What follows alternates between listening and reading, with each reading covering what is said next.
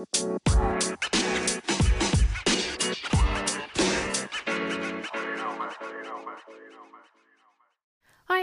mijn naam is Janneke en welkom bij mijn Positief met Pubers podcast. De podcast waarin ik elke week vragen van ouders beantwoord over het opvoeden van pubers. Iets wat ik geweldig vind en waar ik gewoon heel blij van word. Ik denk graag met je mee, geef je concrete suggesties die je direct kan toepassen in jouw situatie. Mijn doel met deze podcast is jou te inspireren en te triggeren om anders te gaan kijken naar je puber, anders te gaan praten tegen je puber en anders om te gaan met puberproblemen.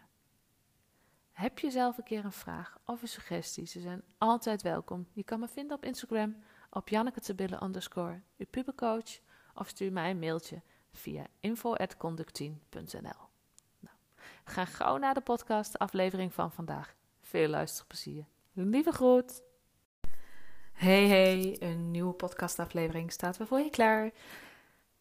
En dit keer gaat het over een onderwerp waar ik eigenlijk nou misschien wel te weinig over praat in de podcast, maar waarvan ik weet dat heel veel ouders ermee struggelen.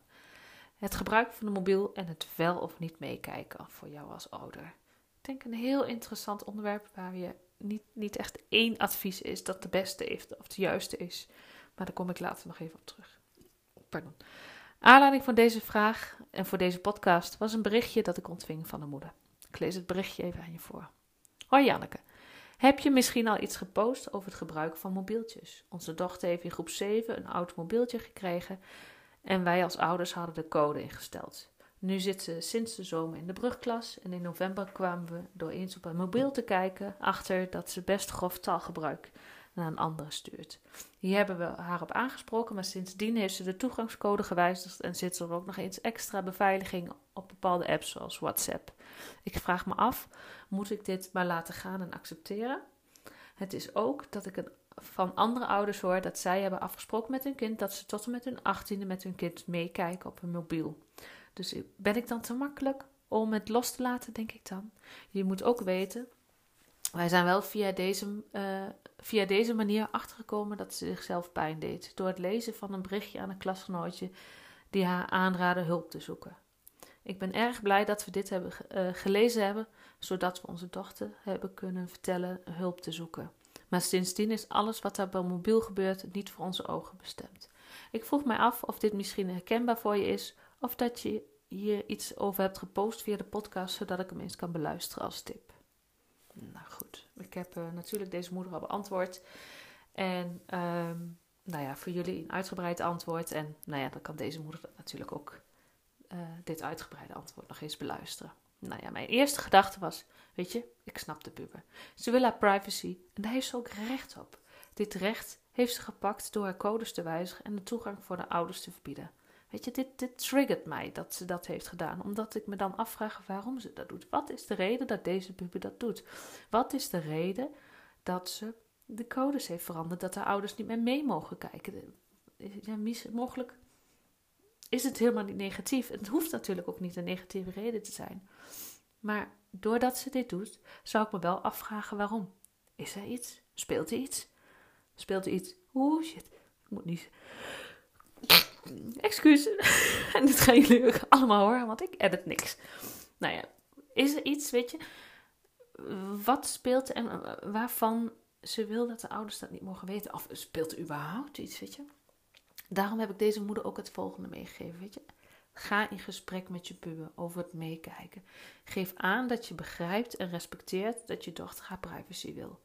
Dit uh, is toch, lijkt me iets waar jullie allebei achter kunnen staan. En ik besef me nu heel goed dat er ouders zijn die zeggen dat zij de baas zijn over hun kinderen en dat ze daarom het volste recht hebben om hun mobiel, mobiel in te zien en mee te kijken en te controleren. Weet je, daar heb ik geen oordeel over. Iedereen, iedere ouder moet, ja, moet doen wat voor hen het beste lijkt. Maar ik weet ook uit ervaring die ik heb als pubercoach, maar ook door alle jaren dat ik al bij pubers werk op school, dat het inzetten van macht lang niet altijd het gewenste effect zal hebben. En dat er dan een reële kans is dat je daarmee je puber juist van je afduwt. En dat is, denk ik, wel het laatste wat je wil, zeker in deze situatie. Dus daarom denk ik dat het belangrijk is om met je puber als mens aan te spreken. En ja, eigenlijk voor gaan voor het behouden van de relatie en het vertrouwen met elkaar.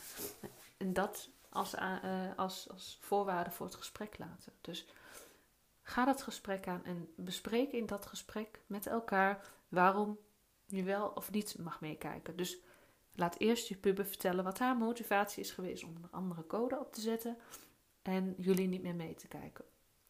Wanneer je haar die ruimte geeft, zonder daar wat te vinden, zonder daar een oordeel aan te koppelen, maar puur alleen haar motivatie opschrijven, weet je, dan krijg je inzicht in hoe je puber denkt.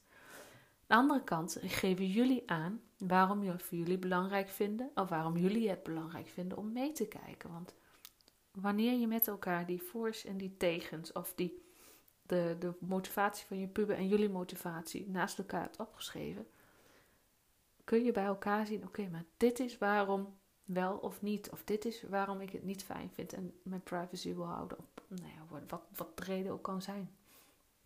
En wanneer je dat dus weet, kun je met elkaar gaan kijken: oké, maar hoe kunnen wij tot een middenweg komen die voor jullie allebei oké is? Dus je gaat met elkaar onderhandelen. Op deze manier neem je de argumenten van je puber serieus. Je neemt je puber het algemeen serieus. En je puber leert om jullie argumenten serieus te nemen. En jullie kunnen samen gaan onderhandelen over welke afspraken jullie gaan maken over dit thema. En een belangrijke afspraak ik altijd zou maken, is dat wanneer jij het sterke gevoel hebt dat je puber in gevaar is, of gevaar dreigt, of in ieder geval dat stuk, dat daar iets dreigends of heel zwaar negatiefs, dus het, het pesten of, of, of bedreiging of, of, nou ja, die kant voor boys, dat soort dingen. Wanneer je het vermoeden hebt dat je puber gevaar loopt, ik noem het nou even gevaar, dat je dan als ouder de plicht moet pakken om je puber daartegen te beschermen. En in dat geval zou je dus wel de telefoon van je puber kunnen kijken. Je kunt dan bijvoorbeeld zeggen dat je dit het liefst samen doet. Maar als ze het niet over willen hebben, dat je dan ingrijpt en dat dat jouw taak is als ouder. Dan kondig je het aan dat je het gaat doen. En gebruik dit echt alleen als je echt sterk het vermoeden hebt dat er wat speelt ten zware nadelen van je puber. Dus een bedreiging, een gevaar, dat stuk. Belangrijk is ook dat je eerlijk bent tegen je puber. Ga niet achter hun rug om dingen doen. Ga toch niet stiekem controleren of extra controleren. Want daarmee is de kans namelijk heel groot dat het vertrouwensrelatie schaart tussen jullie. En dat is, nou, wat ik straks al zei, het laatste wat je wil, lijkt me. Dus ga naast dit gesprek ook eens praten met wat je puber zoal doet. Dus dat gesprek aangaan van waarom wel, waarom niet meekijken, maar ook gewoon interesse uh, in je puber en, en, en wat je puber bezighoudt. Dus niet die controle, maar ook die interesse. Wanneer je dat vanuit interesse doet, zullen ze namelijk voelen. Want wanneer je vanuit oprechte interesse dingen aan je puber vraagt, krijg je een andere reactie. En wanneer je denkt van, goh, maar hoe doe, pak ik dat dan aan? Google dan even, um, nou ja, uh, mobiel meekijken tiener of zo, mobiel meekijken kind. Dan, dan zul je vast wel informatie en tips vinden. En ook en dat kan ik niet vaak genoeg zeggen. En ik denk dat het voor elk, elk onderwerp in de opvoeding geldt. Doe vooral wat goed voelt voor jou. Ja, je kan informeren en vragen bij andere ouders wat zij hebben afgesproken met hun puber. Maar wanneer jij dit, die afspraken voor jou niet goed voelen, moet je het niet doen. En wanneer je afspraak maakt met je puber, houd je dan aan deze afspraak. Laat zien dat jij je puber respecteert en serieus neemt. Dan zal je puber dit voorbeeld volgen. Dus Ga in gesprek. Ga ook in gesprek over vanuit interesse wat je puber dan doet. En als je daar niet weet, google het even. En doe vooral wat voor jou goed voelt en houd je aan je afspraken. Oké? Dat was hem weer voor vandaag. Zoals altijd, dankjewel dat je hebt geluisterd. Mocht je de aflevering waardevol hebben gevonden, deel hem dan en vergeet mij daarin niet te taggen. Op deze manier kun je andere ouders helpen en help je mij ook enorm. Dankjewel weer voor het luisteren. En ik wens je een hele fijne, ik hoop zonnige dag. Tot later.